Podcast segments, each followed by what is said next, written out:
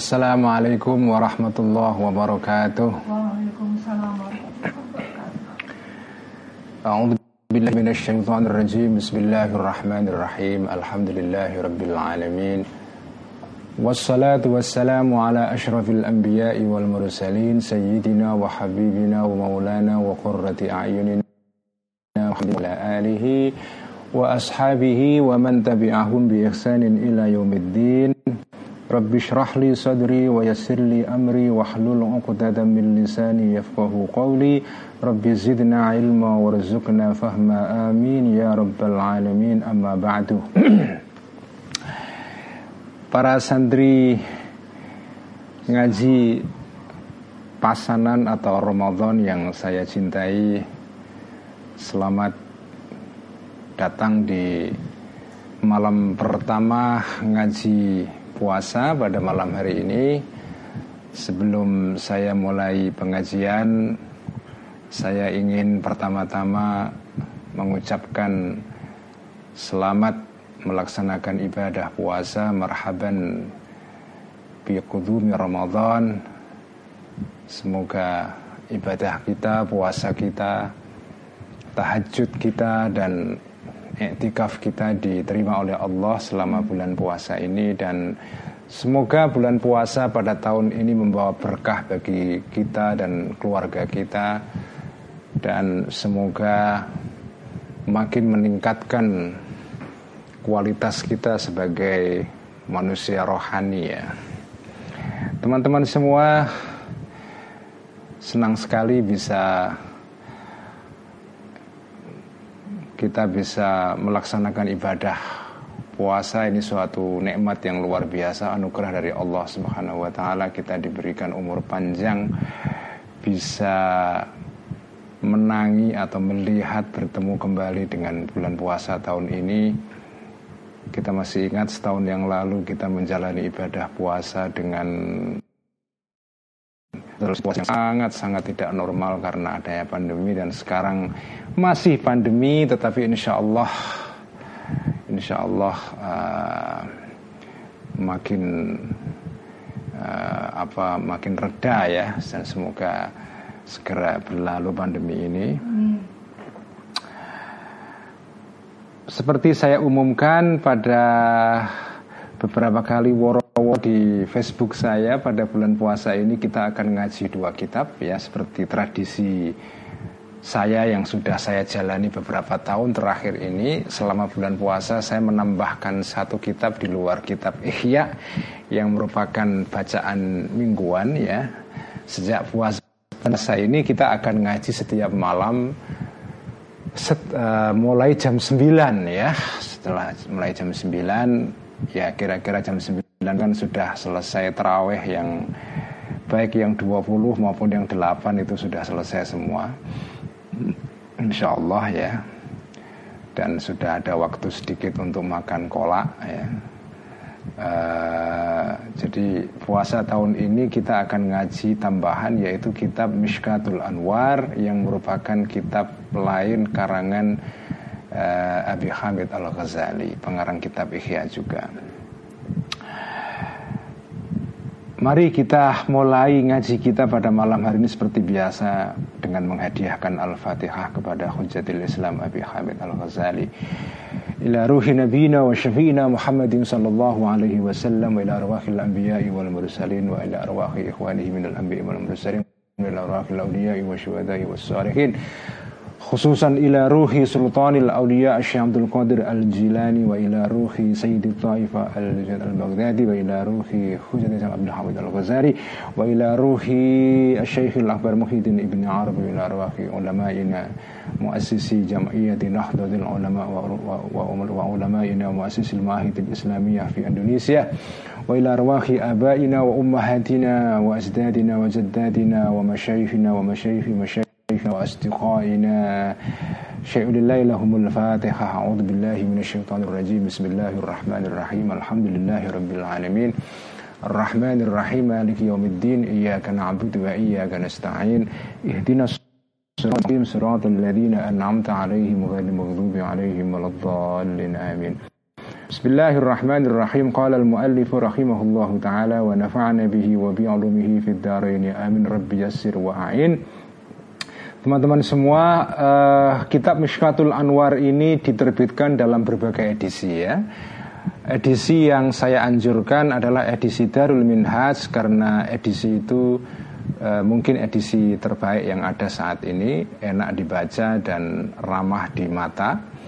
Tetapi edisi ini rupanya sudah habis di pasaran. Beberapa teman yang menjual kitab Mishkatul Anwar Editarul Minhaj itu kehabisan, termasuk Ki Idham Khalid, Mas Rizal Mubid dan yang lain-lain. Jadi yang beruntung sudah memiliki edisi ini Alhamdulillah Mas Akram, Mas Fauzi, Mas Gofir dan yang lain-lain sudah beruntung mendapatkan edisi ini Alhamdulillah saya sendiri belum dapat sebetulnya.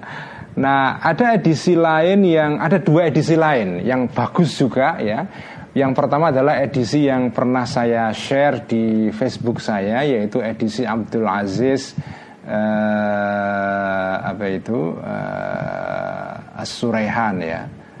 Uh, itu edisi Mishkatul Anwar yang juga itu mungkin edisi Mishkatul Anwar yang termasuk yang terakhir tapi edisi anu, edisi kitab Mishkatul Anwar yang terbaik yang sebelum ini semua adalah edisi yang dikerjakan oleh salah seorang sarjana besar dari Mesir yaitu Dr. Abdul Ala Afifi. Ini edisi yang saya pakai sekarang dan sudah saya share di Facebook saya pada hari ini.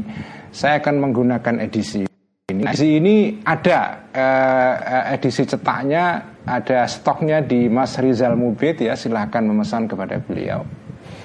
Nah edisi ini edisi yang saya anggap e, terbaik setelah Darul Minhaj ya.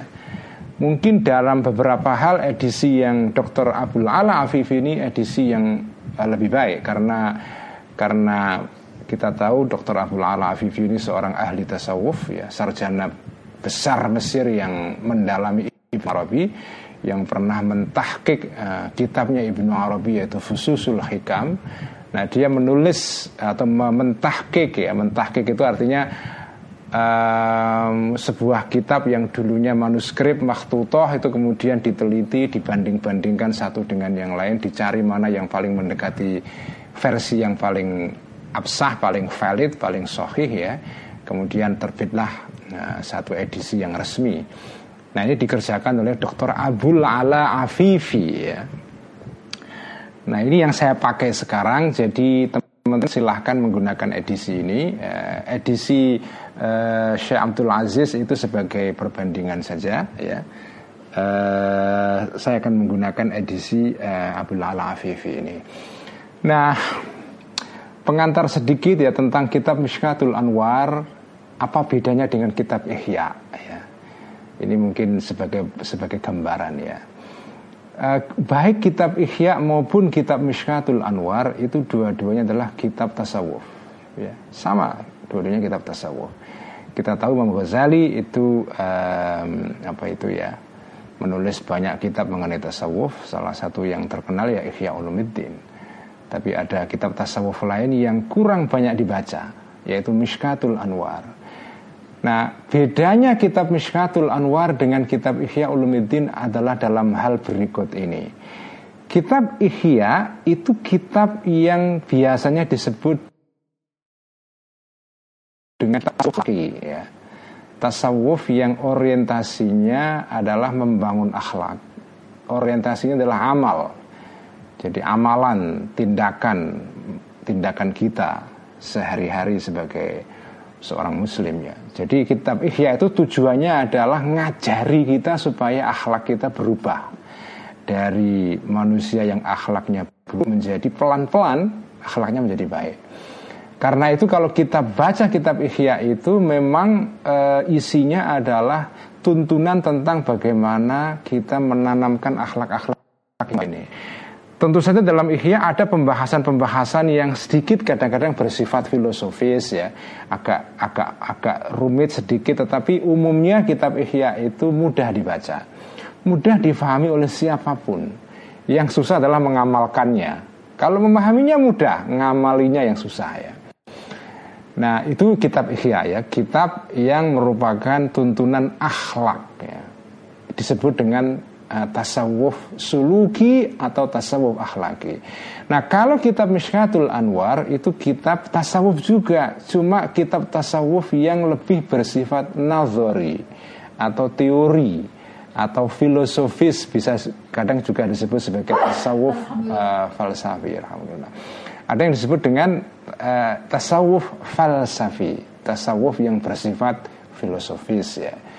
Nah tasawuf yang bersifat falsafi ini itu memang agak rumit atau bahkan rumit sekali puncak tasawuf falsafi itu adalah tasawufnya Ibnu Arabi ya Syekhul Akbar Muhyiddin Ibnu Arabi yang kitabnya Fususul Hikam itu juga ditahkik oleh Dr. Abdul Ala Afifi uh, salah satu karya Abdul Ala Afifi, uh, Dr. Abdul Ala Afifi yang terbaik mungkin ya Nah, jadi Ibnu Arabi itu tasawufnya tasawuf falsafi ya.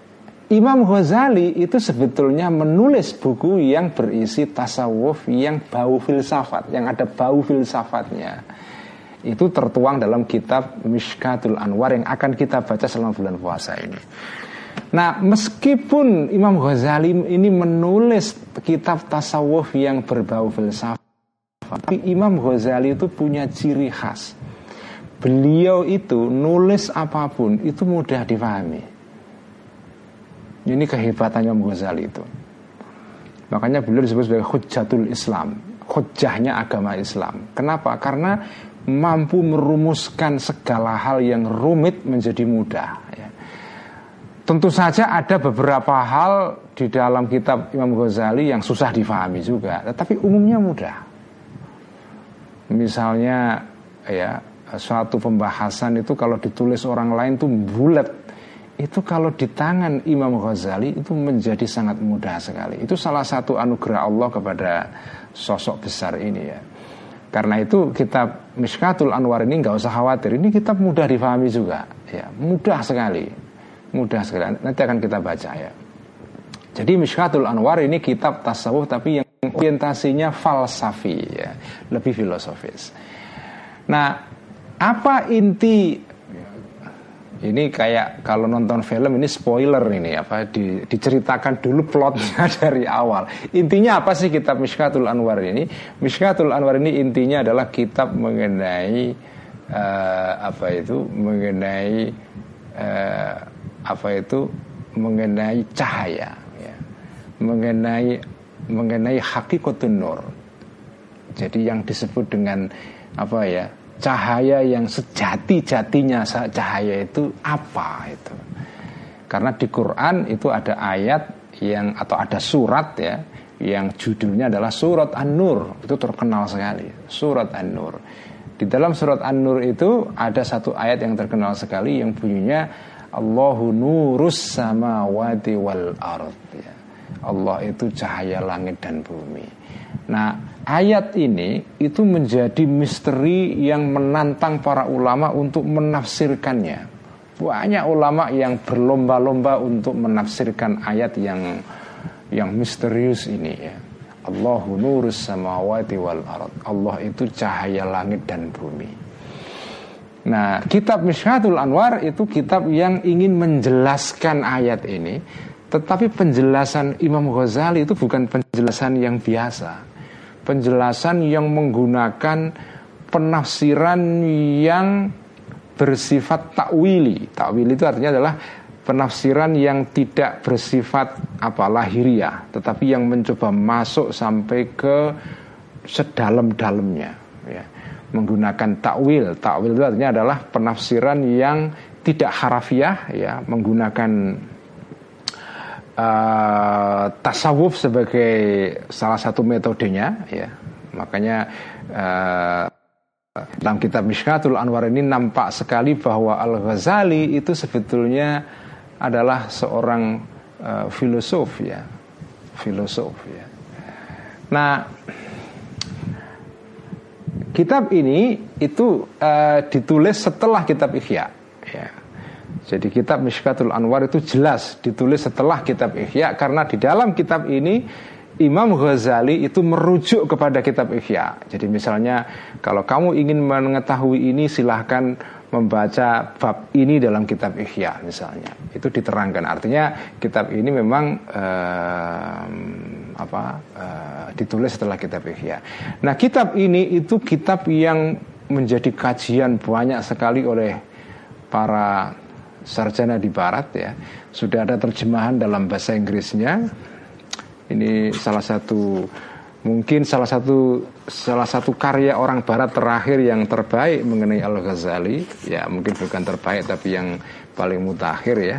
Mishkatul Anwar ini diterjemahkan oleh seorang sarjana Amerika namanya David uh, Buchman ya. Uh, The Niche of Light ya.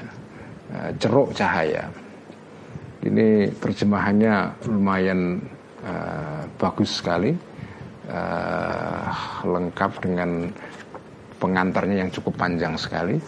Uh, ini juga salah satu edisi kitab Mishkatul Anwar yang terbit di Barat ya. Nah kitab Mishkatul Anwar ini sudah diterjemahkan dalam bahasa Inggris berkali-kali Jadi ini bukan yang pertama Sebelumnya itu juga sudah pernah diterjemahkan dalam bahasa Inggris Dalam bahasa Latin uh, Diulas oleh banyak para sarjana dalam dalam dalam tradisi uh, Baik, uh, mari kita. Tapi ya, saya tambahkan sedikit ya. Imam Ghazali di dalam kitab ini itu sebetulnya merintis, membangun dasar-dasar filsafat atau tasawuf falsafi yang disebut belakangan disebut dengan falsafatul isyraq ya yang dikembangkan oleh sufi besar namanya uh, Imam As-Suhrawardi Al-Maktul itu. Imam Suhrawardi itu dikenal sebagai seorang sufi dan sekaligus filosof yang dikenal karena mengembangkan tasawuf isyraqi. Isyraqi artinya tasawuf yang dasarnya adalah pancaran cahaya Tuhan. Ketika seorang itu beribadah membersihkan dirinya hatinya ya kemudian Allah akan mengucurkan akan memancarkan hikmah kepada orang itu. Itu namanya hikmah isyraqiyah atau falsafah isyraqiyah. Nah Imam Ghazali di dalam kitab Hikmatul uh, Mishkatul Anwar ini sebetulnya sudah mulai menancapkan atau menanamkan dasar-dasar falsafah isyraqiyah yang kemudian nanti akan diteruskan oleh As-Surawardi, oleh Mullah Sadra, oleh para filosof-filosof yang lain. Ini menurut pengamatan dan ulasannya Dr. Abdul Ala Afifi di dalam pengantar kitab Mishkatul Anwar ini ya. Teman-teman yang yang punya kemampuan bahasa Arab yang baik silakan membaca pengantarnya Abu Lala Afifi di dalam uh, teks Mishkatul Anwar ini panjang sekali pengantarnya itu bagus sekali bagus sekali salah satu poin penting di dalam pengantarnya Dr. Abu Lala Afifi adalah bahwa dan ini saya suka sekali karena saya sering kali ditanya mengenai ini Al Ghazali itu kan sering kali dituduh sebagai orang yang membunuh filsafat karena karya beliau judulnya Tahafutul Falasifah ya. Itu kan selalu begitu. Ini tuduhan ini selalu diulang-ulang oleh anak-anak IAIN, oleh anak-anak macam-macam lah. Itu itu tuduhan ini dijawab dengan cukup bagus sekali oleh Abu Lala Afifi ya. Abu Al Afifi dalam pengantar buku ini mengatakan bahwa tuduhan bahwa Al Ghazali membunuh filsafat itu tidak benar. Karena Al-Ghazali itu mengkritik filsafat dengan filsafat.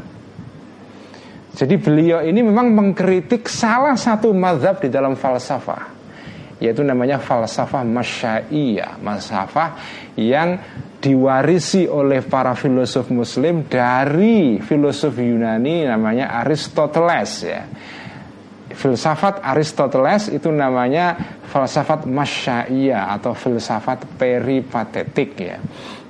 Itu yang dikembangkan oleh Al-Farabi dan puncaknya dikembangkan oleh Ibnu Sina. Jadi yang dikritik oleh Imam Ghazali itu filsafat isra, uh, filsafat masyaiyah ini. Filsafat warisannya Aristoteles. Tetapi Imam Ghazali mengembangkan jenis filsafat yang lain. Jadi beliau mengkritik filsafat dengan filsafat. Jadi kalau mau dikatakan beliau membunuh filsafat itu tidak betul. Karena Imam Ghazali mengembangkan jenis filsafat yang lain Yaitu yang disebut dengan filsafat isyrokiyah Atau filsafat iluminasi dalam bahasa yang sering dipakai di IAIN itu ya Filsafat iluminasi Itulah filsafat yang dikembangkan oleh Imam Ghazali diteruskan oleh As-Suhrawardi, diteruskan oleh Mulla Sadra dan para pemikir-pemikir di daerah, di kawasan Iran sampai sekarang ini. Itu filsafat hikmatul isyraq namanya atau falsafatul isyraq. Jadi kalau dikatakan Imam Ghazali membunuh filsafat enggak benar. Beliau mengkritik filsafat dengan filsafat. Nah dalam kitab hikmah uh, apa ini Mishkatul Anwar nanti akan kelihatan betapa Al Ghazali itu mengembangkan sistem filsafat sendiri. Mari kita mulai ya. Bismillahirrahmanirrahim. Rabbi an'amta fazid bi fadlika. Ini saya nggak tahu apakah bisa khatam bulan puasa nggak Biasanya sih nggak bisa. Nanti kita teruskan setelah lebaran ya. Alhamdulillahi faidil anwar wa fatihil absar wa kashifil asrar. Jadi kalau membaca mukaddimah kitab-kitab klasik itu harus begitu, jangan dibaca ndelojor kayak orang baca teks pidato pejabat begitu, jangan. Anas karena ada sajaknya, ya. Selalu kitab-kitab klasik itu di bagian mukaddimahnya, muallifnya itu eh, membuat mukaddimah yang indah terutama karya-karya Al-Ghazali itu selalu indah mukaddimahnya. Alhamdulillahi faidil anwar wa fatihil absar wa kashifil wafi'il astar wassalatu ala Muhammadin nuril anwar wa sayyidil abrar wa habibil jabbar wa bashiril ghaffar wa nadhiril wa qami'il kuffar wa fadhihil fujjar wa ala alihi wa ashabihi tayyibin at-tahirin al-akhyar. Amma ba'du. Saya nggak nggak usah maknani karena ini yang penting dinikmati ke, ke, keindahan bahasanya ya. Jadi ingat kalau baca mukaddimah kitab klasik itu jangan seperti membaca teks pidato pejabat ya. Gak ada rimanya gak ada intonasinya jangan. Harus dibaca dengan indah karena selalu mukaddimah dalam kitab-kitab klasik itu terutama dalam kitab-kitab Imam Ghazali itu selalu indah ya. dan ada namanya badi' ya ada al muhassinatul lafziyah kalau dalam istilah balagonya itu ada gaya bahasa yang indah ya misalnya jadi salah satu apa ya gaya bahasa atau uh, al muhassinatul lafziyah ya Eh, cara untuk membuat bahasa menjadi indah itu adalah namanya batik yang disebut dengan batik atau stihlal. Baro stihlal itu adalah permulaan yang indah. Ya. Artinya permulaan indah itu bagaimana caranya? Caranya bentuk dari gaya bahasa baro atau stihlal adalah di dalam pembukaan itu muallif atau pengarang kitab menggunakan istilah yang akan menyinggung atau menyiapkan pembaca untuk nanti masuk ke tema utama kitab itu. Kitab Mishkatul Anwar itu pembaca uh, pembahasannya mengenai soal cahaya, cahaya Tuhan. An-Nur itu tema utama cahaya. Karena itu di dalam mukaddimah ini itu Allah Ghazali menggunakan kata Al-Anwar itu berkali-kali ya atau menggunakan kata Al-Anwar. Alhamdulillahi faidil anwar ya.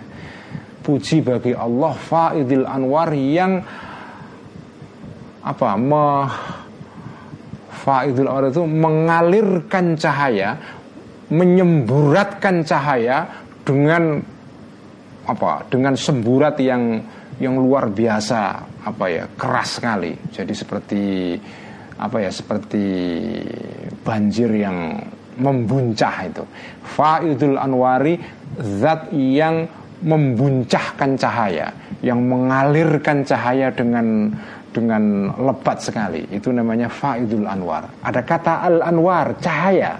Kenapa? Karena pembahasan kitab ini adalah mengenai cahaya. Jadi di dalam mukaddimah itu eh, biasanya pengarang kitab menggunakan satu dua kata yang berkaitan dengan tema pokok dari kitab itu.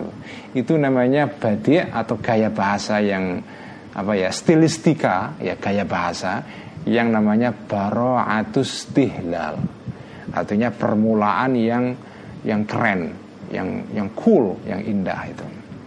Amma ba'du. Faqad sa'altani ayyuhal akhul karimu faqad sa'alta maka ini juga apa ya eh, gaya bahasa atau model kepenulisan yang umum di kalangan para ulama klasik dulu. Jadi kalau memulai kitab itu selalu para ulama itu akan mengatakan saya ngarang kitab ini itu tidak ngarang-ngarang karena ada orang yang minta saya nulis buku gitu loh. Selalu begitu ya. Ada orang yang minta saya untuk menulis buku ini. Artinya apa? Tidak nulis langsung ujuk-ujuk nulis, tapi karena ada ada permintaan tapi bukan permintaan dari penerbit. Kalau sekarang itu nulis buku karena permintaan penerbit. Kalau dulu permintaan santri. Itu bedanya ulama sekarang dengan ulama dulu. Kalau ulama sekarang saya nulis buku ini karena diminta penerbit. Ada yang sebagian besar malah nulis nggak ada yang minta ya nulis aja. Kalau ulama dulu nulis karena diminta para santri. Artinya apa? Ada kebutuhan sosial. Nggak ujuk-ujuk ngarang nggak ada hujan nggak ada angin. Ngarang itu nggak ya.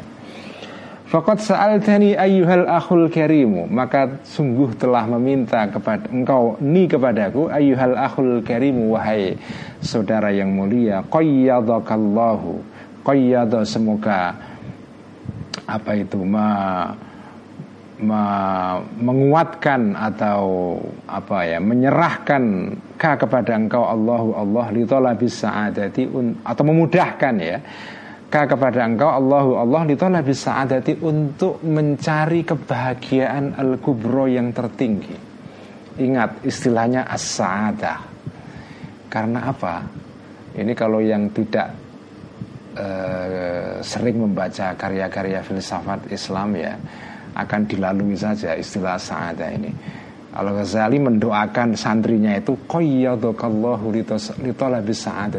Semoga Allah memudahkan engkau untuk bisa mencapai kebahagiaan yang terbesar, yang besar. Kenapa kebahagiaan? Karena tema pokok di dalam filsafat Islam itu adalah mencari kebahagiaan. Intinya adalah kebahagiaan di dunia dan kebahagiaan di akhirat. Yaitu sebetulnya tema filsafat Yunani juga yang disebut dengan tema eudaimonia, ya, asada, kebahagiaan. Itu kan istilah dalam filsafat Aristoteles ya, eudaimonia, eudaimonia, kebahagiaan ya. Karena apa? Ya karena ini memang pokok tema pokok filsafat ya itu kebahagiaan. Makanya buku Miskatul Anwar ini, kitab Miskatul Anwar ini adalah kitab filsafat. Makanya kalau disebut Imam Ghazali membunuh filsafat, ya gimana Wong beliau nulis nulis filsafat kok membunuh filsafat ini. Waras syahaka dan semoga apa ya um, Rosyaha itu um, apa mengusulkan ya atau memudahkan lah gampangannya begitu. Allah kah kepada engkau dalam bahasa modern Rosyaha yurasyihu tarsyih rekomendasi Makanya dalam bahasa modern rekomendasi itu istilahnya atarsyih atau tazkiyah. Tazkiyah atau atarsyih, rekomendasi atau endorsement. Nah, kalau bahasa sekarang endorsement. Warasyah semoga mengendos Allah engkau kepada engkau mengendos lil uruji untuk naik ila zirwati kepada puncak al tertinggi. Puncak tertinggi yaitu apa? Al-wusul ilallah, sampai kepada Allah. Karena itu tujuan filsafat itu sebetulnya sama dengan tasawuf yaitu sampai kepada kebahagiaan terbesar, sampai kepada sumber segala kebenaran yaitu Allah Subhanahu wa taala ya. Wakahala dan semoga eh, mencelai mencelai itu apa? Celak itu apa ya? Apa bahat mencela itu ya? Uh, eyeliner ah, itu bahasa modern itu. Kalau bahasa Indonesia ya, itu apa? nyelai. Semoga mencelai memberi celak ya. Menaruh celak Allah ya.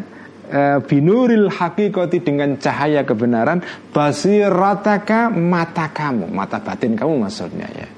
Karena mata celak. Celak tahu kan? Celak ya. Sesuatu yang ditaruh di mata supaya untuk melindungi mata kan? Dan juga untuk keindahan mata juga. Semoga Allah memberikan celak kepada mata batinmu dengan menaruh celak berupa cahaya kebenaran. Wanakka dan semoga membersihkan. Ini doanya Al Ghazali kepada santrinya ini doa yang filosofis juga. Ya. ini bukan doa biasa ini bukan Rabbana atina fid dunya hasan itu kan doa sabu jagat yang biasa itu. Ini ini doa filsafat ini. Ya. qayyadakallahu li talabi sa'adatil kubra. Wa rasyahaka lil uruzi ila dhirwatil ulya. Wa kahhala binuril haqiqati basiratak. Wa dan ini bersaja wa naqqa amma siwal haqqi sariratak. Ya. Basiratak sariratak. Ya wa dan semoga membersihkan Allah amma siwal haqqi dari selain yang hak yaitu Allah sarirataka rahasia diri kamu. Artinya batin kamu jiwa kamu. Semoga jiwa kamu dibersihkan dari hal-hal yang selain Allah. Ini doa yang filosofis sofistik ya. Minta apa? Fakot sa'altani an abutha Untuk menyebarkan, untuk membongkar, untuk menguak Aku ilaika kepada engkau asrarul anwari. Rahasia-rahasia, cahaya-cahaya. Dan ini tema pokok dari kitab Mishkatul Anwar ya. Al-ilahiyati yang bersifat ketuhanan Cahaya ketuhanan. Karena Allah itu kan cahaya. Allah itu cahaya, sumber cahaya. Cahaya ini listrik ini di depan saya ini ada cahayanya ini. Makanya wajah saya kelihatan terang. Ini bukan karena karena rajin ibadah karena listrik aja.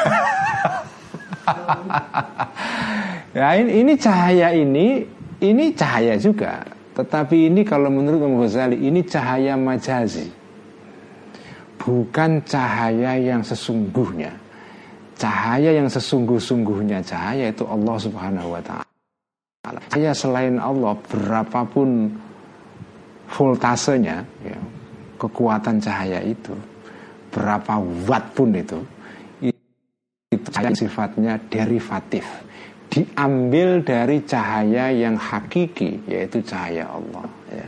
cahaya senter cahaya HP cahaya mobil cahaya yang ribuan watt untuk menerangi konser musik, stadion GBK, itu semua kan cahaya semua. Tapi itu semua cahaya matahari, cahaya rembulan, cahaya bintang-bintang, cahaya api ya. Itu semua cahaya-cahaya yang bersifat majazi, bukan hakiki. Yang hakiki adalah cahaya Allah ya. Nah engkau wahai santriku Kamu ingin aku menguak Mengungkap tentang Hakikat cahaya ilahi ini Makrunatan dalam keadaan dibarengi Jumlah hal atau hal ya Bita wilima Dengan mentakwili Menafsiri Takwil itu beda dengan tafsir ya Ada istilah takwil Ada tafsir Tafsir itu menerangkan sesuatu berdasarkan makna lahiriahnya. Misalnya apa? Uh, misalnya ada ayat apa itu? Uh, ada ayat apa itu? Uh, ketika Nabi Musa apa itu uh, mendapatkan apa ya? Ketika ketika di padang pasir kan itu kan salah satu cerita Nabi Musa dan mukjizat beliau kan berjalan di padang pasir lalu lihat seperti ada ada api ada api unggun gitu ya itu sebetulnya pertanda ada Tuhan itu di situ lalu ketika mendekati api itu Nabi Musa kemudian mendengar suara dan suara itu mengatakan ikhlakna alaika. Copotlah kedua sendal kamu sebelum kamu bertemu aku Tuhan maksudnya. Copotlah sandal kamu itu ikhla'na alaika dalam surat Toha itu ya. Itu makna lahiriahnya itu namanya tafsir. Tapi takwil itu makna batinnya. Jadi ikhla'na alaika itu artinya bukan sekedar nyopot sandal tetapi mencopot ikatan kamu dengan dunia dan sesuatu yang yang selain Allah mencopot sandal itu artinya mencopot ikatan kamu dengan dunia ini makanya disebut dengan nahla apa nahalaik ya. jadi sendal di sini bukan sendal biasa tapi sendal dalam pengertian sesuatu yang yang nempel pada diri kamu tapi bukan merupakan hakikat dari diri kamu. Copot semua itu. Artinya apa? Bersihkan diri kamu dari hal-hal yang bersifat duniawi. Itu namanya takwil. Kalau tafsir copotlah sendal kamu. Itu tafsir namanya. Seperti kisahnya Mbah Mutamakin Kajen itu ya. Terkenal sekali itu kan. Mbah Mutamakin itu kan dimusuhi orang-orang di Kajen dulu oleh dan dimusuhi oleh keraton Surakarta karena salah satu alasannya karena Mbah Mutamakin itu konon ngingoni atau me, apa ya mem, memiara anjing. Ya. Mem, memelihara dua anjing. Memelihara dua anjing.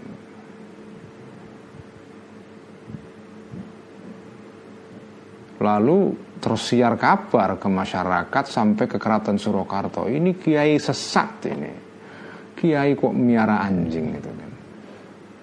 Lalu diadili kan. Ya tentu saja ada faktor-faktor. Satu rumor yang berkembang itu adalah karena waliullah Syekh Mutamakin ini memiara anjing. Lalu ketika disidang oleh apa itu oleh majelis hakim keagamaan di Keraton Surakarta ya disidang oleh ketip Anom di di di Keraton Surakarta itu ditanya kenapa kamu kok memelihara anjing? Dua anjing. Kata Mbah Mutamakin atau Kiai Mutamakin anjing ini bukan anjing biasa. Ini anjing ini adalah pasemon atau simbol dari dua nafsu manusia. Yang itu ajaran kitab Ihya yaitu nafsu berupa kan dalam kitab Ihya kan ada bab mengenai kitab namanya kitab kasri syahwatain ya. kitab menundukkan dua syahwat. Syahwatul batni dan syahwatul farji. Syahwat perut dan syahwat alat vital alat apa organ seksual ya. Jadi dua anjing ini sebetulnya simbol dari dua syahwat ini Mbah Mutamakin itu memelihara anjing ini artinya menaklukkan. Beliau berhasil mendomestikasi atau menjinakkan dua syahwatnya ini. Dipiara dua anjing itu. Sebetulnya ini bukan anjing ini adalah ini adalah uh, reinkarnasi dari dua syahwat yang yang apa itu yang berhasil ditaklukkan oleh Mbah Mutamakin. Itu namanya takwil itu Nah orang-orang keraton Surakarta nggak ngerti takwil, ngertinya tafsir saja, ngertinya ya anjing aja yang bersifat lahiriah, tapi nggak ngerti takwilnya. Makanya kalau orang itu ilmunya ilmu takwil itu sering disalahpahami masyarakat itu, sering itu. Bahkan jenuh ya karena dianggap sesat mengajarkan ajaran yang menyimpang dan segala macam ya, karena takwil. Ya. Nah ini Al-Ghazali ini diminta oleh santrinya untuk menafsirkan ayat tentang atau menafsirkan tentang hakikat cahaya Tuhan dengan cara bitakwili lima yushiru dengan mentakwili sesuatu yushiru yang memberikan isyarat ilahi kepada ma ini zawahirul ayati. Zohir zohirnya ayat al matluwati yang dibaca di Quran yaitu surat atau ayat dalam surat An-Nur nanti ya. Allahu nurus samawati wal ard. Itu artinya apa tafsir Abu Ghazali cuma takwilnya apa itu kan? Jadi ingat ya ada tafsir ada takwil. Kalau tafsirnya saya tahu uh, kiai itu Allahu nurus samawati wal ard Allah itu cahaya langit dan bumi ya baca baca terjemahan kemenak juga paham kita. Ya, itu namanya tafsir. Cuma saya kok belum puas ya Kiai ya Saya kepingin takwilnya Apa sejatinya makna Allah itu cahaya langit dan bumi itu Itu namanya takwil ya. Wal akhbari dan hadis-hadis al marwiyati yang diriwayatkan yaitu hadis kanji Nabi yang berbicara mengenai hijab yang disebut dengan hadithul hujub, hadithul hijab ya. Hadis mengenai hijab. Dalam hadis itu dikatakan bahwa Allah itu punya apa itu 70 eh, hijab. Allah itu punya 70 penghalang yang menghalangi manusia dari Tuhan. Penghalang itu ada yang berupa kegelapan, ada penghalang berupa cahaya. Jadi manusia itu tidak bisa sampai kepada Allah itu karena adanya hijab. Karena adanya tirai, karena adanya penghalang. Ada kendala itu. Nah, penghalang itu beri, bisa berupa kegelapan, Nah kalau itu maklum ya kegelapan itu menghalangi kita untuk sampai kepada Allah kan biasa. Tapi ada juga cahaya itu menghalangi kita sampai kepada Allah juga. Jadi Allah terhijab dari kita karena ada cahaya. Maksudnya Imam Ghazali ini ini hadis ini misterius ini. Lambok kami diterangkan ini. Inilah permintaan santri yang meminta kepada Al Ghazali untuk nulis kitab ini ya. Wabnu qawlihi ta'ala seperti firman Allah ta'ala Allahu nurus samawati wal ard. Ya surat ini dalam apa? Surat An-Nur ayat 35 ya. Allahu nurus samawati wal ardi mathalu nurihi kamishkatin fiha misbah.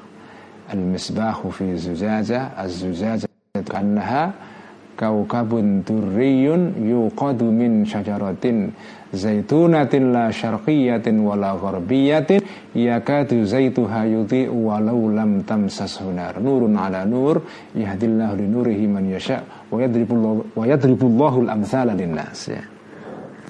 Ini ayat indah sekali. Indah sekali.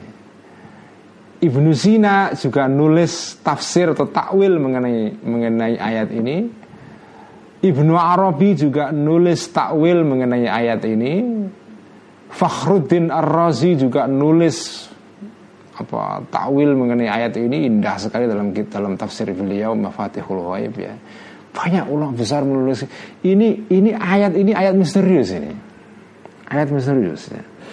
Tetapi tafsir yang yang termasuk yang paling saya suka tafsirnya Al-Ghazali ini ya. Tafsirnya Al-Ghazali ini. Wa makna tamthilihi dan makna apa penyerupaannya uh, atau menyerupakan an-nur tadi itu atau menganalogikan an-nur atau ya me menyerupakan an-nur uh, atau wa makna tamthilihi dan uh, makna menyerupakannya Allah zalika terhadap cahaya tadi itu dalam firman tadi itu Allahu nurus samawati wal ardi bil miskati dengan cahaya Allah itu kan diserupakan dalam ayat tadi itu di, di dianalogikan bil miskati dengan miska ya. Miska itu artinya adalah ceruk tempat lampu ya. Apa zaman dulu itu kan lampu itu lampu teplok atau lampu sendir itu kan.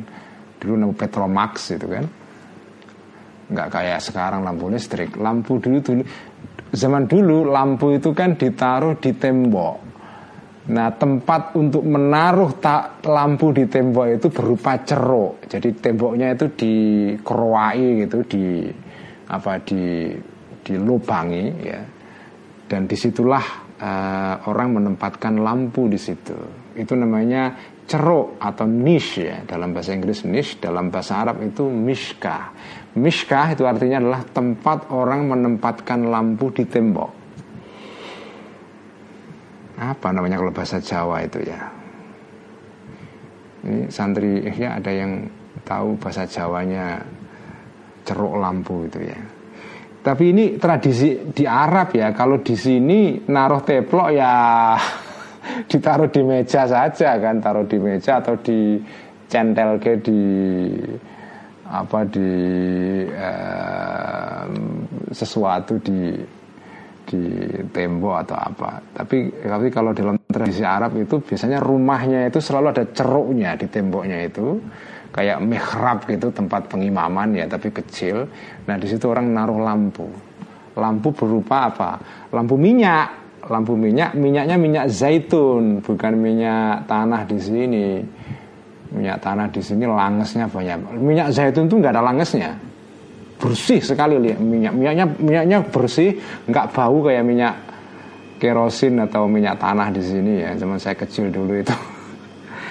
Minyak apa lampu teplok lampu sendir itu kan itu apinya kan apa banyak langesnya itu banyak apa jelaganya itu ya.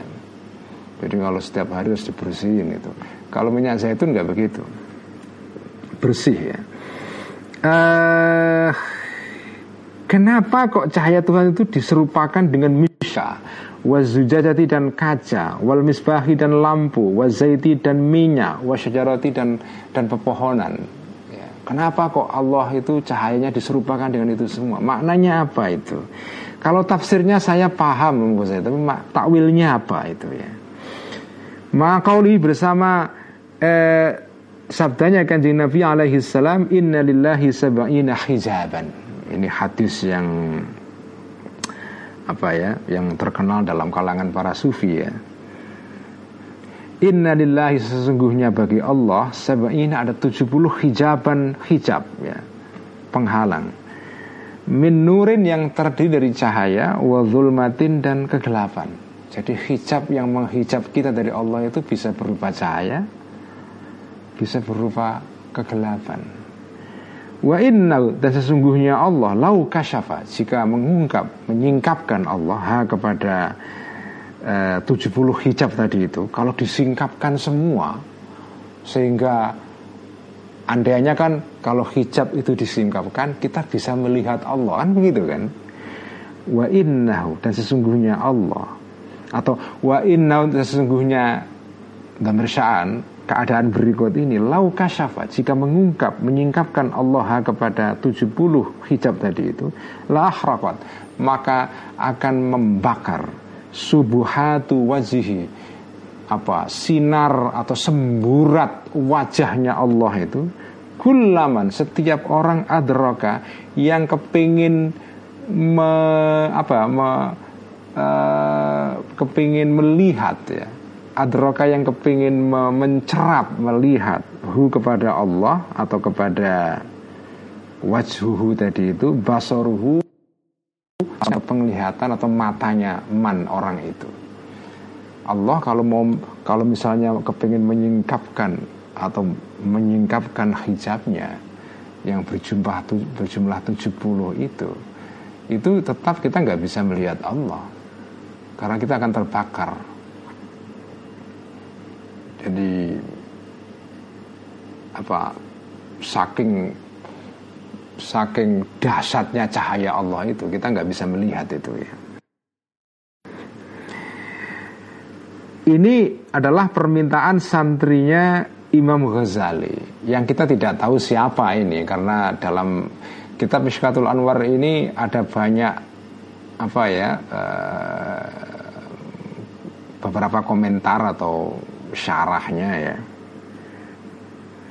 Tetapi tidak ada yang menerangkan siapa santri yang meminta Al-Ghazali untuk menulis kitab Mishkatul Anwar ini. Yang jelas bukan santri Ihya di sini sekarang ya. Walakot irtaqaita. Nah ini. Walakot irtaqaita. Walakot irtaqaita. Dan sungguh telah naik kelas engkau. Naik engkau wahai santri bisualika dengan pertanyaan kamu ini murtakon suatu apa ya tempat yang ketinggian atau tempat yang naik ya. Soban yang susah dicapai itu. Pertanyaan kamu ini sulit ini. Tanhafidu yang turun ya yang gagal kira-kira gitu. Duna alihi Uh, sebelum mencapai ketinggiannya murtakon tadi itu ayunun nazirina mata mata-mata maksudnya mata dalam jumlah banyak itu ya jamak mata-mata orang-orang yang melihat. Orang yang ingin melihat tempat tinggi yang ingin kamu nggak akan bisa. Kenapa? Karena pertanyaan begitu tinggi sekali. Orang nggak akan mampu melihat melihat puncaknya itu Wakarata. Dan mengetuk engkau baban pintu muhlakon yang tertutup. La yuftahu yang tidak akan terbuka atau dibuka. Illal ulama kecuali kepada para ulama-ulama. Ar-rasikhina yang yang dalam sekali yang menghunjam sekali apa ya kakinya. Karena saking apa saking uh, saking dalamnya pengetahuan para ulama ini. Ulama yang rosyah ya ulama yang punya pengetahuan yang mendalam sekali. Hanya ulama ini yang bisa mengetahui jawaban pertanyaan kamu. Thumalaisa, kemudian tidak ada kullu setiap rahasia. Pertanyaan kamu itu menyangkut rahasia ketuhanan. Dan tidak setiap rahasia, terutama rahasia ketuhanan, yukshafu itu boleh diungkap, boleh di dikuak ya rahasia itu. Wayubsya dan disebarkan sir itu. Nggak semua rahasia ketuhanan itu boleh diungkap. Ini etika para wali ini ya. etiket para wali. Ini aturan main di antara para wali ini ya. para wali itu kan punya keistimewaan dari Allah. Mereka diberikan akses kepada rahasia ketuhanan. Nah orang yang dapat akses seperti itu itu nggak boleh diobral terus setiap saat distatuskan di Facebook itu ah nggak boleh. Itu menyalahi etiket kewalian itu batal kewalian kamu kalau tiap hari mengungkap rahasia ketuhanan di dalam status Facebook. Nggak boleh itu ya. Wala hakikatin dan tidak setiap kebenaran yang hakiki itu orang itu bisa di di apa ya ditampakkan atau diungkapkan hakikah ini watujla dan dijelaskan ya, eh, hakikah ini. Bal sudurul akhrari. Sebaliknya dada-dada orang-orang yang terbebas orang yang bebas. Bebas dari ikatan-ikatan yang selain Allah ikatan dunia dan seterusnya. Orang-orang yang terlepas dari ikatan duniawi itulah orang-orang yang bebas, al-akhrar ya dadanya orang yang bebas seperti itu adalah kuburul asrari kuburan-kuburannya para rahasia-rahasia Tuhan. Jadi dadanya para wali itu adalah kuburan rahasia. Artinya apa? Ya tersembunyi. Kuburan itu kan sesuatu yang nggak boleh di, digali. Nah itu rahasia sekali. Jadi kuburan dadanya para wali itu adalah kuburan rahasia ketuhanan. Namanya kuburan nggak boleh digali, ya, karena itu suci, ya. nggak boleh diungkap. Jadi pertanyaan kamu, wahai santri ini, ini pertanyaan yang yang derawasi, yang bahaya ini, karena menyangkut rahasia ketuhanan yang kalau diungkap semuanya itu bahaya. Karena etiket kewalian itu tidak semua rahasia harus diungkap bahkan yang diungkap itu sedikit sekali itu ya. para wali-wali yang mengungkap rahasia Allah melalui kitab-kitabnya seperti Al Ghazali, seperti Ibnu Arabi, seperti Syekh Abdul Qadir Al Jilani, Abu Yazid Al Bustami, uh, Imam Junaid Al Baghdadi dan seterusnya. Kan beliau-beliau itu kan ngarang kitab-kitab tentang rahasia ketuhanan kan. Itu hanya sebagian kecil saja itu a tip of iceberg ya. Hanya puncak dari gunung es bawahnya rahasianya masih banyak itu ya. Walakat kala dan sungguh telah berkata Ba'dul arifina sebagian orang-orang yang arif Orang-orang yang punya pengetahuan Punya ma'rifah tentang Allah Punya gnosis dalam bahasa filsafat uh, Apa itu ya uh, Isyraqiyah itu ya Gnosis pengetahuan yang hakiki bukan pengetahuan tentang bagaimana cara mengoperasikan komputer. Itu bukan gnosis itu. Cara masak tiramisu itu bukan gnosis ya atau cara bikin apa itu ya. Itu bukan pengetahuan dalam pengertian ma'rifah dalam pengertian tasawuf ya. Ma'rifah di sini adalah ma'rifah pengetahuan tentang Allah tentang apa ya hakikatul haqa'iq ya sejatinya kebenaran itu namanya gnosis ya nah orang yang punya pengetahuan di situ disebut dengan al arifin ya Nah, sebagian orang yang arifin ini berkata, ifsya'u sirrir rububiyati kufrun. Wah, ini ini agak mengerikan ini ya. Ifsya'u sirrir rububiyati. Membongkar rahasia ketuhanan. Kufrun itu adalah sebentuk kekafiran. Dengan bongkar rahasia Allah itu itu itu bisa menjadi bentuk kekafiran itu. Kenapa? Karena biasanya rahasia-rahasia Allah seperti itu tidak semua orang bisa paham. Ketika jenengan bongkar, ditangkap oleh orang yang tidak paham, kemudian dia punya pemahaman yang keliru. Bahkan akhirnya dia bisa bisa bisa membunuh orang bersangkutan, orang yang mem, me, menyingkapkan rahasia ini, menimbulkan instabilitas sosial rame, ribut, kontroversi, macam-macam lah. Makanya sebaiknya rahasia-rahasia seperti sudah nggak usah dikatakan kepada orang, nggak usah ditulis di Facebook apalagi. Balqala bahkan berkata Sayyidul awwalina wal akhirina Pemimpin orang-orang yang hidup di masa awal wal akhirina Dan orang-orang yang hidup di masa akhir Yaitu kanjeng Nabi Sallallahu alaihi wasallam dalam edisi lain alaihi salatu wasallam inna minal ilmi kahayatil maknuni. Inna minal ilmi sesungguhnya terma salah satu bagian dari ilmu ilmu yang tadi itu gnosis itu ya ilmu yang mengenai hakikat kebenaran itu ya. Itu sebagian ilmu yang seperti itu itu adalah ada ilmu yang kahayatil maknuni. Uh, Inna minal ilmi Ini ada Mubtada atau isimnya inna yang dibuang Yang kalau dinampakkan di takdirnya itu adalah Inna minal ilmi ilman Kahayatil maknuni Jadi kahayah ini sifat terhadap isimnya. Inna yang di mahdzuf yang dibuang yang kalau dinampakkan takdirnya adalah inna minal ilmi ilman. Sesungguhnya termasuk jenis ilmu yang tadi itu gnosis itu ada ilmu yang kahiatil maknuni. Seperti uh, sesuatu yang tersembunyi ya. yang nggak kelihatan bagi banyak orang. Karena itu ilmu yang dalam bahasa filsafat uh, isyraqiyah disebut dengan ilmu esoteris ya ilmu esoteris, ilmu rahasia, ilmu batin. Ya. La ya'lamu yang tidak bisa mengetahui hu kepada ilmu ini illa al ulama'u illa al ulama'u kecuali para orang-orang yang paham, yang mengerti billahi mengenai Allah ya.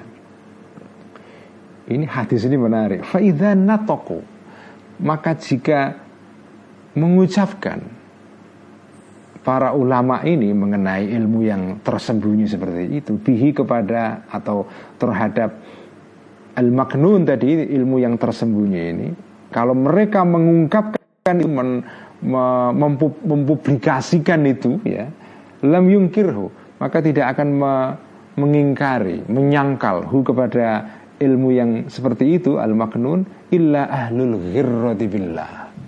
Kecuali orang-orang yang yang terbujuk, yang tertipu billahi terhadap Allah. Ini istilah yang keren sekali menurut saya. Ahlul ghirrati billah. Orang-orang yang tertipu oleh Allah. Ya. Maksudnya apa? Ya kira-kira kalau sekarang ini ya orang-orang yang kalau bahasa sekarang ya orang-orang yang pengetahuannya sederhana terus merasa dirinya itu tahu Islam terus nyalah-nyalahkan orang, terus menghakimi orang lain. Ulama yang pengetahuannya mendalam, wah kamu ini sesat, nggak ngerti Quran, nggak ngerti hadis. Sekarang banyak. Itu bahasanya kalau menurut Imam Ghazali itu adalah ahlul hirrati billah. Orang-orang yang tertipu oleh Allah. Artinya mereka merasa paham Allah, ngerti sejatinya firman Allah itu maknanya seperti apa di Quran dan hadis ini itu maknanya apa mereka merasa paham tertipu oleh Allah itu lalu menghakimi orang-orang lain yang mereka anggap salah sesat dan segala macam karena berbeda pandangan.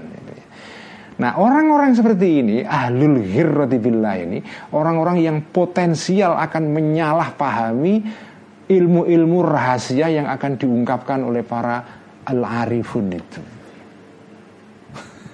Ini uh, ya Allah saya baca baca hadis ini ini kok kok relevan sekarang ya, relevan dengan keadaan sekarang. Wa mahma dan um, apa wa mahma dan dan kapan pun dan setiap menjadi banyak ahlul ihtirari ya. Dan ketika menjadi banyak itu wamahma ya. Wamahma kasro dan ketika banyak ketika jumlahnya itu menjadi banyak ahlul ihtirari orang-orang yang terbujuk atau tertipu oleh Allah ini wajib maka wajib hifzul asrori menjaga rahasia-rahasia ketuhanan. Ala wajil israri uh, sebagai cara untuk merahasiakan Pokoknya kalau zaman itu didominasi oleh ahlul ghirrati billah.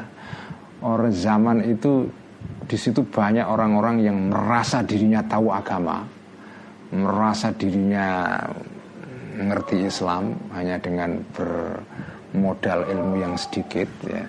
Kalau orang-orang seperti ini jumlahnya itu banyak, itu sebaiknya kamu tidak usah ngomong rahasia-rahasia ketuhanan. Karena pasti nanti akan disalahpahami. Pasti kamu akan disesatkan. Bahkan kamu bisa dibunuh itu ya. Lagi nih makanya Imam Ghazali ketika ada santri minta untuk ditulis di, di, di apa ya dituliskan buku yang akan mengungkap rahasia seperti ini beliau khawatir ini santri ini santri yang kompeten tidak? Jangan-jangan dia santri hijrah yang apa ya?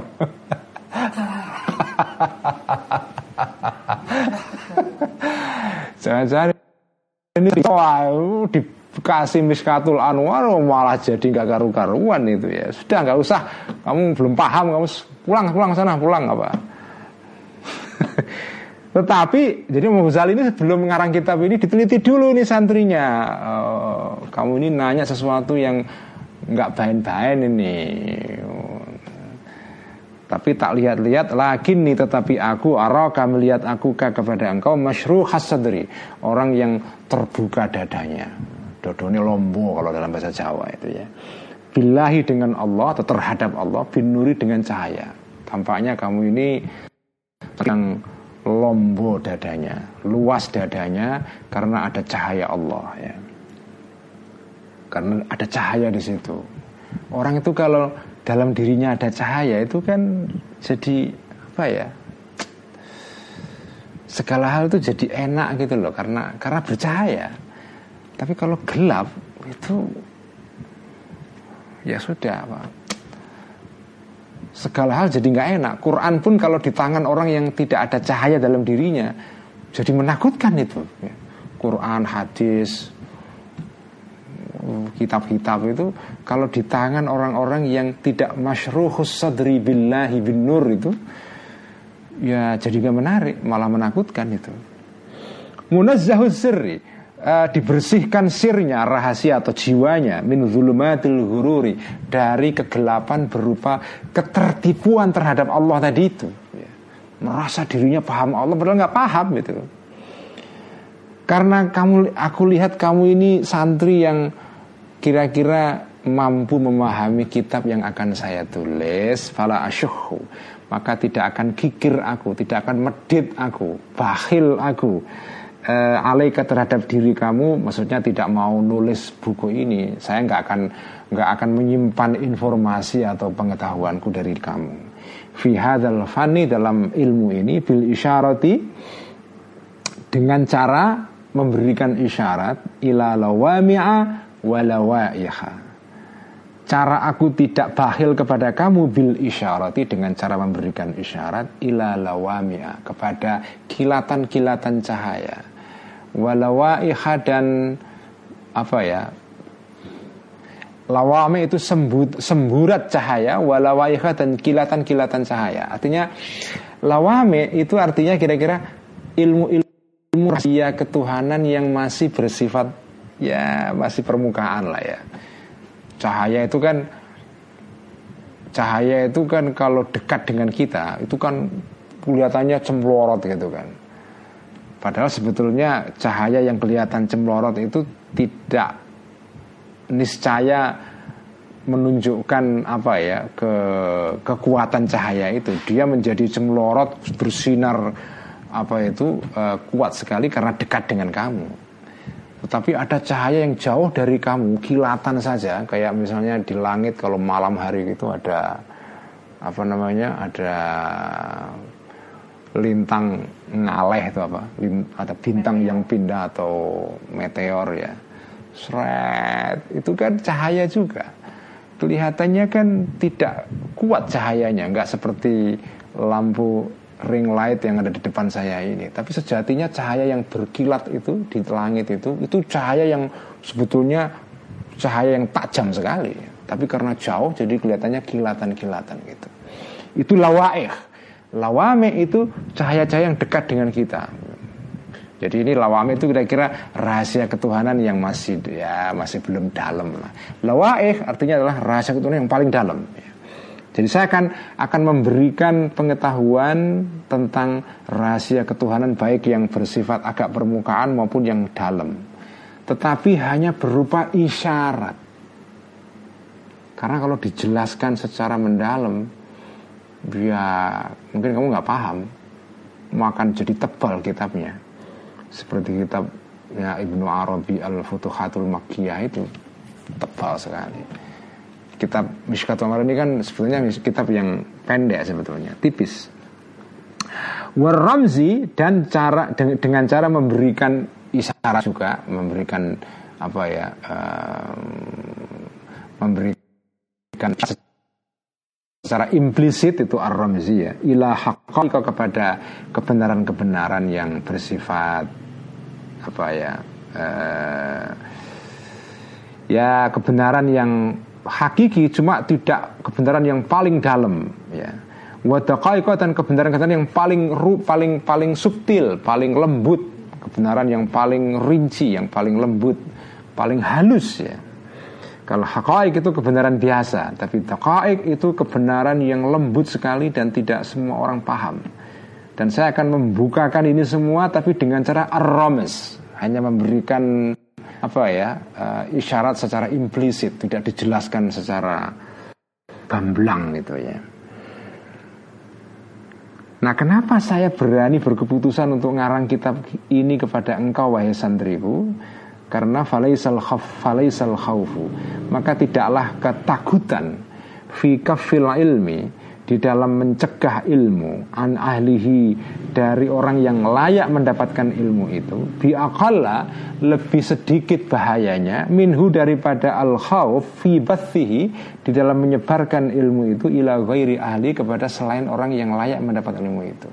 Karena kalau sampean menyimpan ilmu dari orang yang layak mendapatkan ilmu itu seperti kamu ini ya itu sama juga bahayanya dengan menyebarkan ilmu kepada orang yang tidak layak mendapatkan ilmu itu. Jadi kalau jenengan itu mengajarkan ilmu kepada orang yang belum pantas mendapatkannya itu salah.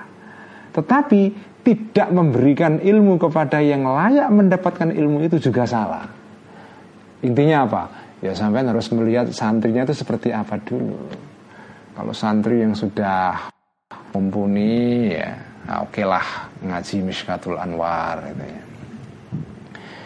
Nah saya lihat ini santri-santri online ini karena sudah ngaji Ikhya tiga tahun lebih ya Udah layak lah ngaji kitab Mishkatul Anwar Tapi kalau belum Belum pernah ngambus atau menyentuh Ikhya ya Ya ya boleh ikut ngaji Tapi nanti kalau nggak paham jangan menghakimi Al-Ghazali ya. Jangan menyesat-nyesatkan dengan harus intinya jangan menjadi ahlul ghirrati billah orang-orang yang seolah-olah merasa diri tahu tentang Tuhan. Tertipu oleh Tuhan. Maksudnya tahu sosok tahu tentang Tuhan itu ya. Nah di sini Al Ghazali mengutip sebuah syair terkena syair ya untuk menunjukkan poinnya ini. Faman manahal juhala ilman Waman mana'al mustaujibina faqad zalam. Ini baharnya bahar tawil ya. Tawilun lahu dunal buhuri fadailu. Faulun mafailun faulun mafailu. Itu bahasa syair Arab itu ada ada timbangannya ada wazannya ada meternya. Kayak baju itu kan ada meterannya supaya pas itu ya ini meterannya ini meteran namanya towil ya. Lagunya kalau ala pesantren yaitu tadi faman manahal juhala ilman adha'ahu wa man mana'al mustaujibina faqad zalam. Faman maka barang siapa manaha yang memberikan orang ini al juhala orang-orang yang bodoh orang-orang yang ahlul hirrati billah tadi itu ilman ilmu kalau orang memberikan ilmu kepada orang yang tidak layak mendapatkan ilmu itu ya pasti adoa akan menyanyiakan orang itu kepada ilmu ini. Tetapi sebaliknya waman barang siapa mana yang mencegah yang uh, menyimpan mencegah orang ini al mustaujibina kepada orang yang ilmu itu maka fakot zalam telah berbuat zalim orang itu jadi itu. Fakna tetapi tetap saya nggak bisa. Saya Al Ghazali maksudnya menerangkan rahasia-rahasia ini dengan gamblang nggak bisa. Karena ini rahasia. Tetap saja saya menerangkannya itu bil isyarah dengan memberikan isyarat. Warames dan diberikan pasemon ya. nah, ini kan cara Jawa kan begitu ya. Jadi barang-barang yang berharga itu jangan dikatakan terus terang ya. Kasih pasemon ya. kasih apa isyarat. Kalau dikatakan belak-belakan ya jadi nggak bernilai. Jadi murahan nanti ya. Nah karena itu wahai santriku kamu ini fakna. Maka terimalah engkau bi isyaratin dengan isyarat-isyarat muhtasaratin yang ringkas ya. Karena nggak mungkin saya nulis gamblang panjang lebar. Watalwihatin dan eh, apa keterangan-keterangan implisit ya. Mujazatin yang ringkas.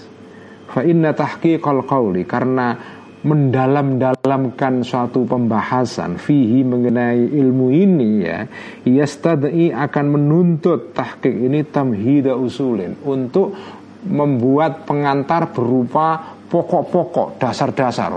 Harus dikasih pengantar panjang sekali kemudian setelah ada pengantar ini juga wasyarhi fusulin dan menerangkan apa ya eh, fasal-fasal Artinya harus ada banyak fasal-fasal menjelaskan detail-detailnya. Yang laisa tidak ada yattasi'u cukup al-ana saat inilah bagi usulin dan fusulin tadi itu uh, waktu uh, fa'ilnya yattasi'u waktu waktuku sekarang ini. Saya nggak punya waktu untuk itu. Karena karena ketika Al-Ghazali menulis Miskatul Anwar ini beliau sudah pulang dari uzlah lama. Sudah selesai bertapa bertahun-tahun hampir 10, 10 tahun beliau bertapa di Yerusalem, di Palestina dan di Damaskus ya. Menutup diri di menara masjid bertahun-tahun ibadah mengisolasi diri dari dunia ya. Kalau sekarang kira-kira menutup diri dari Twitter, Facebook, Instagram, WA dan email, telepon dan segala macam tutup semua 10 tahun. Dan setelah itu beliau pulang ke kampungnya di Tus membuka pesantren kecil di sana dan ngajar. Jadi kalau saya disuruh ngarang kita berpanjang lebar saya sudah nggak waktunya. Kalau dulu waktu di Baghdad masih ngajar di Madrasah Nizamiyah saya punya waktu. Karena ketika itu masih muda yang masih kepengen cari popularitas ya oke lah. Sekarang sudah lewat masa itu. Saya kepengen sekarang saya ini orang yang nggak punya waktu untuk itu. Jadi saya akan ngarang buku singkat saja.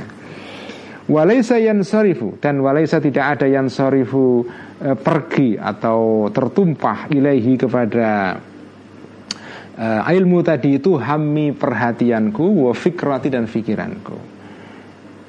Sementara itu wa mafatihul qulubi dan kunci-kuncinya hati hati-hati manusia ya, itu biadillahi di tangan Allah ya. Yaftahu buka Allah kepada al-qulub idza syaa ketika menghendaki Allah kama syaa sebagaimana menghendaki Allah bima syaa dengan cara yang dikehendaki oleh Allah Jadi kalau hati itu dibuka oleh Allah dengan cara Allah sendiri, nggak boleh kamu tentukan caranya dan dan apa ya waktunya juga sesuai dengan yang dikehendaki oleh Allah. Maka hati itu akan terbuka. Kalau enggak jenengan diterangkan dikasih buku panjang lebar ya nggak akan paham juga ya. Wa innamal ladzi yanfatihu wa innama wa innamal ladzi dan sesungguhnya sesuatu yang fatihu yang terbuka bagiku Al Ghazali fil waktu sekarang ini adalah fusulun salah satu fasal-fasal salah satu yang tiga. Jadi buku ini Mishkatul Anwar nanti akan terdiri dari tiga fasal ya. Wah, ini sekarang kita sudah selesai menyelesaikan mukaddimah ya. Malam ini cukup sekian saja. Besok kita akan masuk ke pembahasan yang keren sekali tentang apa itu cahaya Tuhan itu? Fasal pertama ya. Ada fasal pertama Fasal kedua Dan intinya nanti di fasal ketiga Itu puncak dari buku Mishkatul Anwar.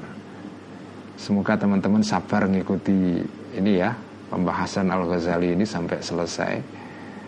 Ya kalau dapat fasal pertama dok ya Ya kurang sempurna jadi kalau bisa diteruskan sampai akhir supaya jenengan dapat gambaran lengkap. Uh, insya Allah kalau jenengan mendengarkan atau membaca dan memahami pembahasan Mishkatul Anwar ini dari awal sampai akhir akan dapat banyak pengetahuan, banyak bukan pengetahuan dalam pengertian informasi ya. Tadi itu gnosis, pengetahuan berupa sesuatu yang bikin jenengan itu Oh begitu toh. Oh itu loh. Pengetahuan yang bikin jenengan Oh ngono toh janjane itu. Yang bikin jenengan dong Paham. Itu Namanya gnosis itu itu. Jenengan paham sesuatu itu. Bukan informasi tentang cara bikin ini Bikin itu. Itu bukan bukan ilmu yang dalam kategori seperti itu ya. Sekian ngaji Mishkatul Anwar. Kita teruskan ngaji kayak sedikit ya Supaya ada ihya'nya ya. Sekian wallahu a'lam shawab. Bismillahirrahmanirrahim. Sekarang ngaji ihya ya. Qala al-muallif rahimahullahu taala wa nafa'ana bihi wa bi'ulumihi fid dharain amin. Rabbi yassir wa a'in. Kitab ihya kita masuk di apa? Pembahasan tentang apa itu artinya al-ghibah, rasan-rasan ya. Ini kita masih berbicara mengenai uh, afatul lisan ya. Uh, penyakit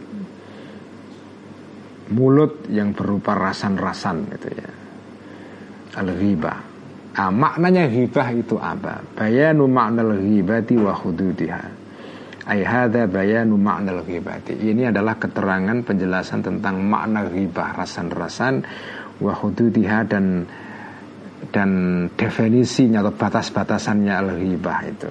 Ini di halaman 1035 edisi dari Ibnu Hazm.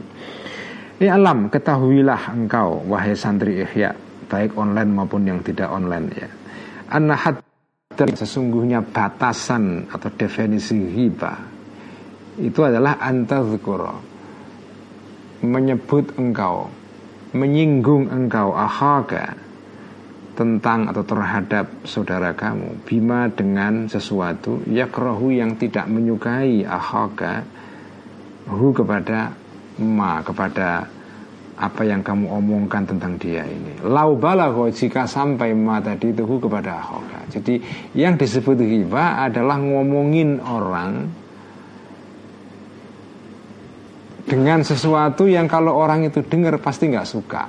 Jadi hibah itu adalah ngomongin orang jelek. Kalau ngomongin orang baik bukan hibah namanya. Jadi hibah itu ngomongin orang jelek.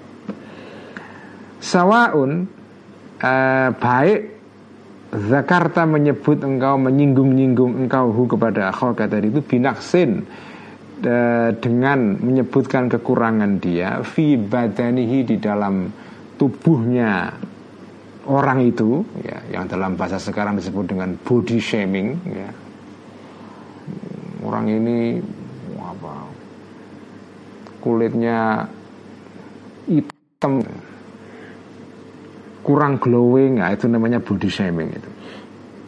Menyebut-nyebutkan kekurangan dalam tubuhnya. Au atau di dalam nasabnya ahoka tadi itu au fi atau di dalam masalah akhlaknya ahoka tadi. Au fi fi'lihi atau di dalam perbuatannya ahoka au fi atau di dalam ucapannya ahoka au dini atau di dalam agamanya ahoka au dunia atau di dalam masalah keduniaannya ahoka itu Hatta fi thawbi Bahkan masalah dunia ini sampai ke masalah kecil seperti di dalam masalah bajunya orang itu. Ah, Bajunya nggak matching gitu Wadarihi dan rumahnya orang itu. Rumahnya kok jelek begitu ya?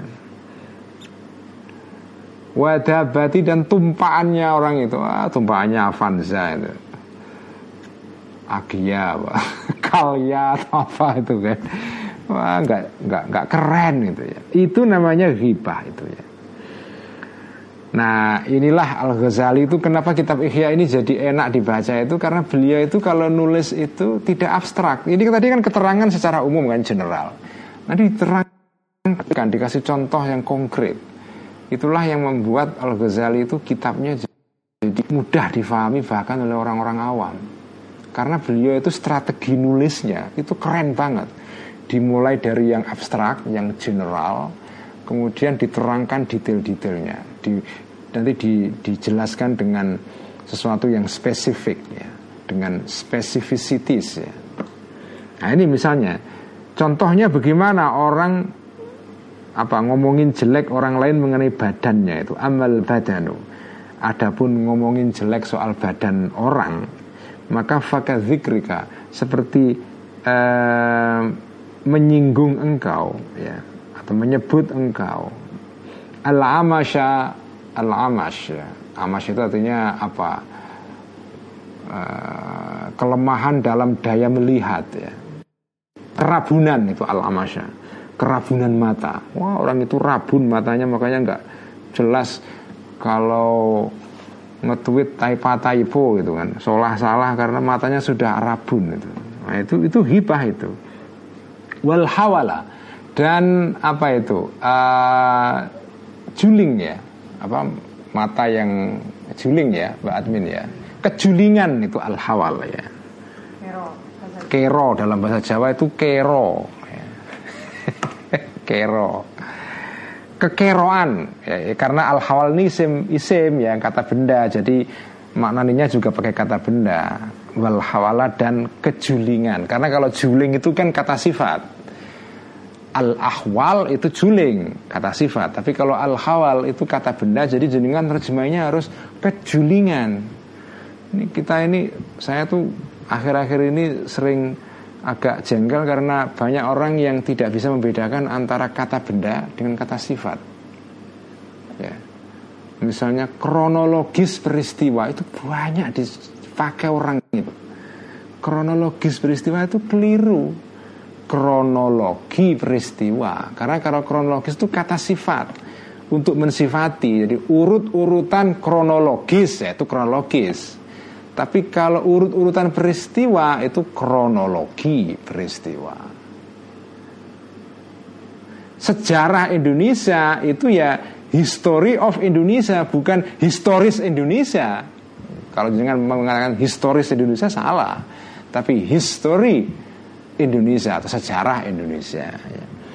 Jadi hati-hati ya. Ini sering kali orang nggak bisa membedakan antara kata benda dengan kata sifat. Kata benda dipakai sebagai kata sifat, kata sifat dipakai sebagai kata benda. Jadi campur aduk itu. Wal dan ke Pak ini kalau kepala rambutnya sudah berkurang itu apa ke kebotakan. Wal karai dan kebotakan. Wal kisari dan kependekan tubuh. Maksudnya tubuhnya pendek. Watuli dan dan tingginya tubuh. Orang itu kok tinggi banget ya. Wasawati dan hitamnya kulit. Orang hitam gitu ya. Wasufrati dan kuningnya kulit. Orang ini manusia itu aneh ya. Orang kulitnya hitam dirasani orang kulitnya kuning juga dirasani. Maunya apa? Ya, gitu. Wa jami'i ma uh, apa atau wa jami'a ma dan segala sifat-sifat ya. Yutasawwaru yang bisa digambarkan an yusofa untuk disifati seseorang bi dengan ma dengan sifat itu. Mimma berupa sifat-sifat yakrohuhu yang membenci yang tidak menyukai seseorang itu hu kepada ma. Kaifa makana bagaimanapun adanya sifat itu ya. Apa pun pokoknya kalau sifat-sifat yang orang nggak suka kamu lekatkan kepada orang bersangkutan dan kamu menyebut-nyebut itu itu namanya hibah itu Wa amman nasabu. Adapun soal jelek-jelekin orang perkara Fabi antakula Ini dikasih contoh real ini Supaya orang punya gambaran ya. Fabi antakula maka seperti mengatakan engkau Abuhu nabatiyun. Abuhu nabatiyun ya. Abuhu bapaknya orang ini ya. Orang si, si A itu Si B itu ya. Nabatiyun adalah orang nabati orang yang apa ya yang apa yang mengerjakan tanah petani lah. Nabatin wah kamu ini anaknya petani makanya norak begitu. Itu itu itu namanya menjelek-jelekan orang dan nasabnya.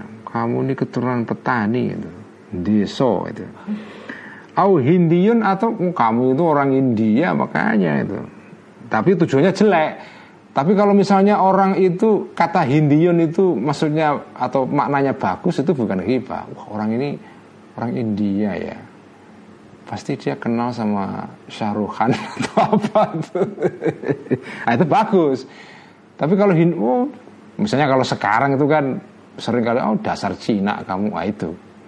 Itu itu namanya hibah itu. Menyebut orang dengan sebutan yang berbau prejudis atau apa ya prasangka itu ya. Oh kamu orang India itu. Maksudnya apa? Orang hitam gitu ya. Au fasikun, kamu wah kamu fasek gitu. Au khasisun atau orang yang yang buruk sifat-sifatnya khasisun apa ya menjijikkan itu ya. Uh, iskafun atau orang nah ini ini sekarang sudah jarang ini. Orang yang profesinya itu apa ya menyamak kulit. Apa itu nyamak? Ya nyamak ya.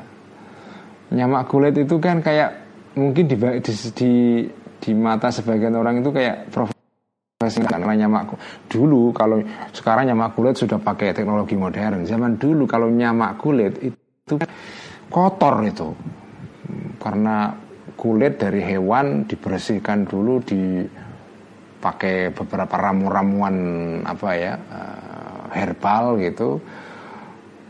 Terus bau hmm, karena kulit binatang basah ada.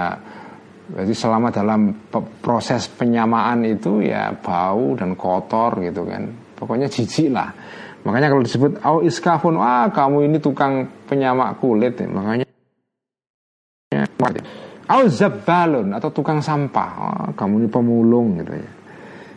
Au atau sesuatu mimma dari berupa sesuatu ya krohu yang tidak menyukai seseorang kepada maka makana bagaimana adanya sesuatu itu ya itu contoh kalau mau ngomongin jelek orang dalam dalam hal nasab ya wa amal khuluku adapun ngomongin jelek seseorang mengenai akhlaknya fabi antakula maka seperti mengatakan engkau huwa khuluki Huwa si A ini itu sayyul khuluqi buruk akhlaknya.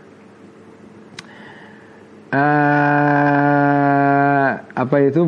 Bahilun orang yang medit kikir ya. Mutakabirun yang sombong. Murain orang yang suka pamer gitu ya.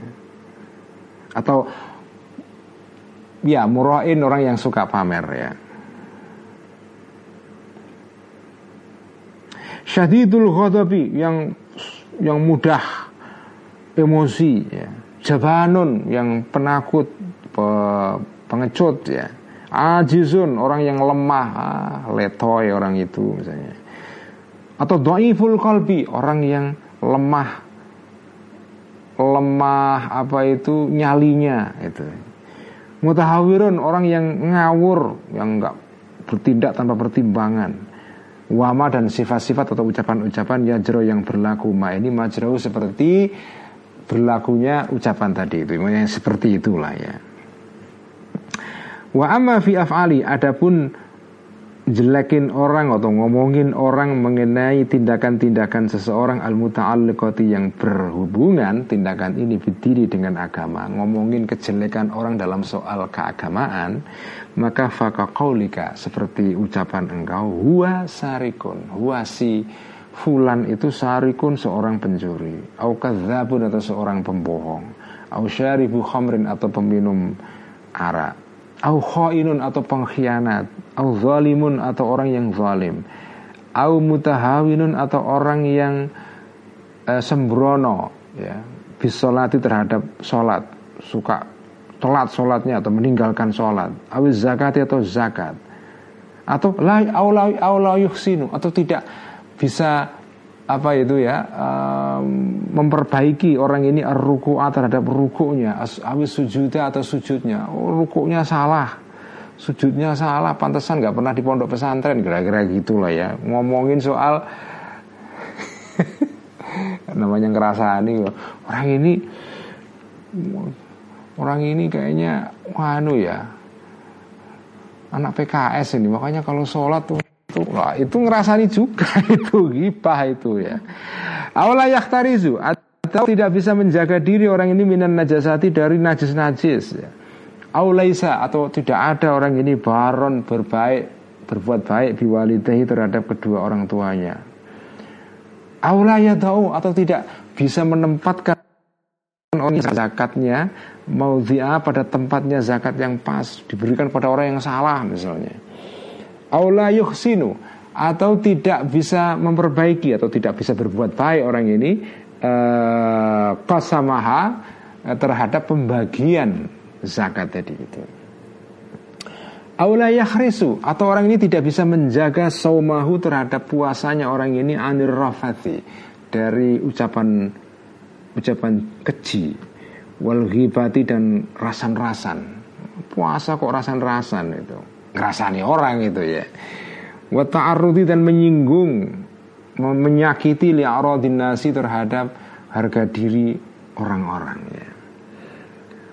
Wa amma fi'luhu Anapun ngomongin kejelekan orang eh, terkait dengan perbuatan orang itu al muta'alliqu yang berhubungan di dunia dengan keduniaan maka faqaqaulika seperti ucapan engkau innahu qalilul adabi. Sesungguhnya si fulan ini qalilul adabi sedikit adabnya. Mutahawinun orang yang sembrono binasi terhadap orang lain. Orang yang suka ma mengabaikan hak-hak orang lain. Aulayara, orang ini tidak melihat li ahadin bagi seseorang ala nafsi kepada dirinya orang itu hakon hak. Dia merasa nggak punya hak terhadap orang lain, bebas melakukan apa saja. Itu ya. Adika ngadiku ngadiguno, kira-kira gitu lah. Auyara atau Orang ini selalu melihat li nafsi kepada dirinya orang itu al hakoha ala nasi kepada manusia. Tapi kalau orang lain diminta untuk berbuat sesuatu yang baik kepada dia, tapi dia nggak mau berbuat baik kepada orang lain. Pekna edw gitu ya. Au annahu sesungguhnya orang ini kathirul kalami banyak omongannya. Kalau ngomong itu was cerewet modot moler karu-karuan itu. Nah umun atau orang ini suka tidur. suka tidur ya namu tidur orang ini fi waktu naumi di selain waktunya tidur tidur sembarangan apa ya? Waya jelisu dan duduk orang ini fi maudhi dan di sisi luar atau di selain tempat eh, apa itu tempatnya eh, tempatnya untuk duduk ya ya. Il julus ya. Itu contohnya kalau ngejelekin orang dalam hal perbuatan yang bersifat keduniaan Tadi kan bersifat perbuatan keagamaan ya. Wa amma fi thawbi anapun kerasani orang mengenai bajunya ini banyak kalau ini ya. Fakal kaulika maka seperti ucapan engkau innahu wasiul kummi. Orang ini uh, lebar sekali apa itu apa lengannya. wah orang ini sombong banget bajunya lengannya lebar. Kalau dalam dalam masyarakat Arab orang kalau bajunya lengannya tuh lebar ini kalau ini sih belum apa-apa ini. Kalau orang yang sombong sekali ingin menunjukkan status sosialnya di masyarakat Arab dulu, itu lengannya dibuat lebar sekali begitu. Jadi kalau jalan tuh gombyoh-gombyoh gitu apa ya, kayak orang kayak dulu pak penyanyi Farid Harja itu, kayak Farid Harja itu. Wasiul kumi, lebar lengannya. Tawilul zaili, panjang uh, ekornya, maksudnya ekor pakaian, kayak pakaian pengantin ala Eropa itu loh, panjang sekali. Itu menunjukkan apa arogansi itu kan. Wasihut thiyabi, was, wasihut thiyabi, kotor pakaiannya, orang nggak pernah cuci pakaiannya itu ya. Itu semua contoh-contoh hibah itu ya.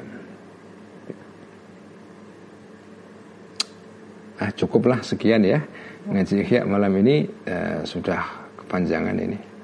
Kasihan teman-teman kuotanya nanti boros. Sekian ngaji ihya malam ini. Ini dengan selawat timbil kulub ya. Allahumma salli ala sayyidina Muhammadin tibbil qulubi wa dawaiha وعافية الأبدان وشفيها ونور الأبصار وضيائها وعلى آله وصحبه وسلم. اللهم صلِّ على سيدنا محمد طب القلوب ودوائها وعافية الأبدان وشفيها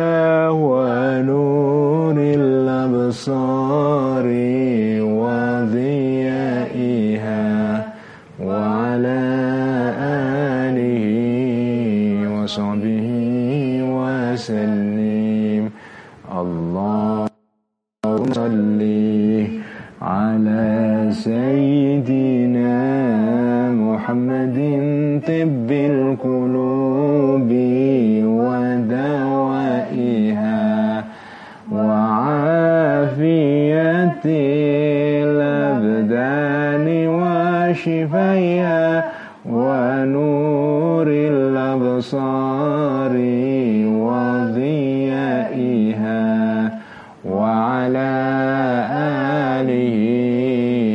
وصحبه وسلم السلام عليكم ورحمة الله وبركاته وعليكم